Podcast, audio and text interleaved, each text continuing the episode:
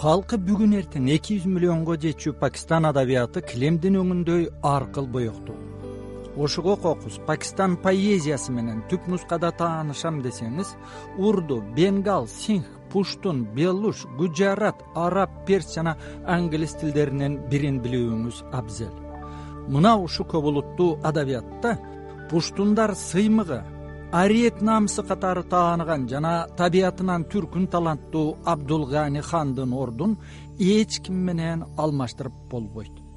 Анын өмүрү индастан жарым аралынын акыркы жүз жылдагы коголаңдуу тарыхынан акыл кыска саясатчылардын жылаңач амбициясынын кесепетинен ата бабалары кылымдар жашаган жеринен ажыраган миллиондогон адамдардын тагдырынан бөлүп кароого болбойт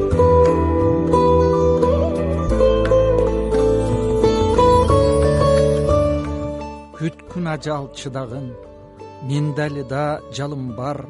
Жашоо оту кандап ийилип колдо ойногон чылдырман ушул алоо ушул абас менден калган күнү кел. Ажал досум кел ошондо. Мен жал бербейм алдыңдан ансыз дагы учак жайып топуракка айланам. О досум мен ишенбеймин ишенбейм. Өлүм соңу жашоо соңу дегенге көкөөрдө шарап түгөнсө ичкенге мусалла табылат эмеспи үлпөт бүтөөр ченемде.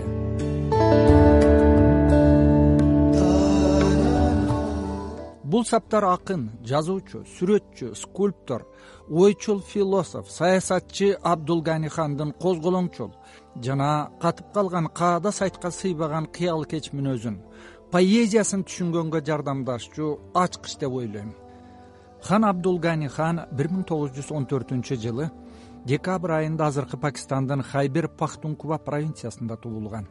Ал кезде бул аймак түндүк батыш чек ара провинциясы деп аталып англис оторчуларынын ээлигиндеги британ индиясына кирчү. Болочок акындын атасы хан абдул гафар хан британ оторчулугуна каршы куралсыз кан төгүүсүз күрөшкөн пацифисттик кыймылдын руханий лидери такыба мусулман индиянын күнкорсуздугу кыймылынын көсөмү махатма гандинин жакын санаалашы болгон. Ошого ал индияны диний негизде бөлүүгө умтулган жалпы индия мусулман лигасына каршы турган. Бир миң тогуз жүз кырк жетинчи жылы пакистан индиядан бөлүнүп чыккандан кийин өлкөнүн бүтүндүгүн жактаган. Бирок пуштунустан автономиясын түзүп талап кылганы үчүн эчен жолу абакка салынган. Абдул гафар хандын тун уулу абдулгани хан мектепти бүткөндөн кийин делидеги миллия университетинде билимин улантат. Бир миң тогуз жүз жыйырма сегизинчи жылы атасынын каалоосу боюнча лондонго кетип ал жерде мартабалуу тарса диний аятчынын көзөмөлү астында тооратты окуп үйрөнөт. Абдулгани хан лондондон кийин акшда инженер химик кесибине окуйт америкадан келгенден кийин кайра эле атасынын ыктыярына ылайык индиянын көрүнүктүү саясатчысы жавахарлар нерунун үйүндө туруп таалим тарбиясын алат. Нерунун кызы индиянын болочок премьер министри индра ганди менен чогуу университетте окуп жүрүп студенттик кыймылга активдүү катыша баштайт. Сүрөтчүлүк өнөргө дагы окуйт ошого мындай билимдүү адамдын атасынын жолун улап пацифисттик кыймылга кошулуусу британ оторчулугундагы индия парламентине эң жаш депутат болуп шайлануусу мыйзам ченемдүү беле. Абдулгани хандын акындык жаңычылдыгы тууралуу абу бакар сыдыкинин кебин угалы. Uh, бүгүнкү күн үчүн маанилүү бир жагдай гафар хандын такыбалыгы жана прогресске ишенгени. Ал баардык адамдар бирдей укукка ээ болуусун жактаган. Пуштундарга үлгү болсун. Аялдар жана кыздар үчүн билим алуу абдан маанилүү экенин пуштундар түшүнсүн деп кызын аларга жиберген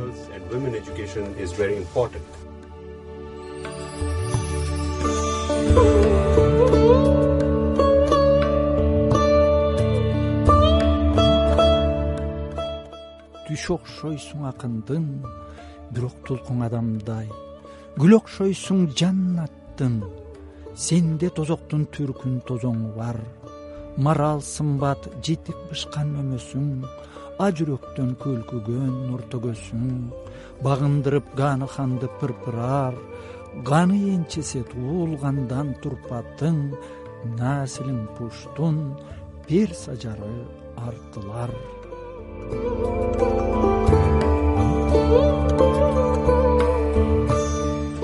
сиздер уккан бул ырды абдугани хан бир миң тогуз жүз отуз тогузунчу жылы сүйүп баш кошкон жары рошанга арнаган.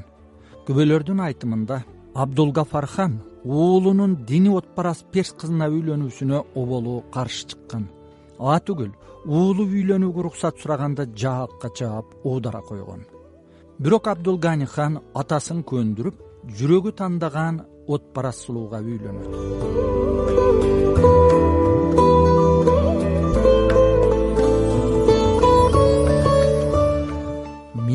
кудайды не мечиттен не меккеден таппадым.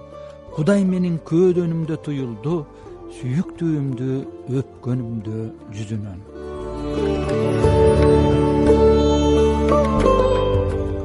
Ушинтип абдулгани хан махабатынан бакыт тапканы менен сүйүүгө көркөм сүрөткө музыкага поэзияга исламдын атынан тыюу салган бейсабат молдолор менен элдеше албайт себеби көрүнүктүү пакистан публицисти аурангзеб хан залмай жазгандай пуштун уруулары үчүн ислам баардык нерсенин чен өлчөмү. Берегидей бейчекилик сабатсыз элди экстремизмге түртөт. А экстремизм дайыма забын зордук менен коштолот. Ал эми абдулгани хан болсо атасы менен бирге саясий күрөштүн тынч жолун ташбыйкаттаган кудайдын пенделери кыймылын түзгөн алардын мындай позициясы пакистандын эл шайлабаган өкмөтүнө да жакпайт. Жана абдулгани хан бир миң тогуз жүз кырк сегизинчи жылы алты жылга түрмөгө тургузулат. Атасы да бир миң тогуз жүз сексен сегизинчи жылы көзү өткөнчө эле өмүрүнүн көбүн же абакта же сүргүндө өткөрөт. Эмне үчүн бул ата бала индиянын диний негизде бөлүнүшүн? Мусулман лигасынын пакистанда шариятка негизделген мамлекет курушуна каршы болушкан. Бул суроого абу бакар сыдыкый мындай деди. Бул түшүнгөнгө татаал суроо эмес. Жыйырманчы кылымдагы түштүк азияга карасаңыз эки саясий агым индиялык улутчулдар менен мусулман улутчулдардын үстөмдүк кылганын көрөсүз мусулман улутчулдарын негизинен британ империясы менен коюн колтук иштеген адамдар түзгөн. Алар индиядагы мусулман аристократиясынын бир бөлүгү болгон. Кийин алар мусулман лигасы деген бир партияга же саясий кыймылга биригет бул кыймыл биринчи кезекте түндүк батыш индияда бүгүнкү пакистанда жана бенгалда азыркы бангладеште өз өлкөсү болуусун талап кылат бирок гафархан сыяктуу көптөгөн мусулмандар алардын ичинде индия улуттук конгрессинин көсөмү. Жыйырманчы кылымдагы көрүнүктүү ислам аалымы олан абдулхазат индиянын диний негизде бөлүнүүсүнө каршы чыккан. Алар биз шииттердин келечеги демократиялуу плюралисттик көп тилдүү мультимаданияттуу көп диндүү өлкөдө деген жүйөнү бетке кармаган. Андай өлкө деп балким азыркы индияны айтышкандыр. Кийин пакистанда ал күрөш токтогон эмес. Бүгүн пакистанда мусулмандар үстөмдүк кылат. Чынын айтканда индияда да андай күрөш уланууда. Себеби индияда түрдүү жикчилдер бар. Ар кандай таарынычтар бар. Али диний жана жамааттар арасында толук гармония жок. Ошентип гафархан улан абдулхазат жана башкалар гармониялуу толеранттуу жана демократиялуу коомду курганга умтулушкан Uh, абдулгани хан абакта отурганда поэзияга башын байлап түрмөдөн чыккандан кийин саясатка активдүү катышпайт. Бирок саясатчылардын сөзүнөн өтүмдүү жана эл жүрөгүнөн орун тапкан ырларды жазат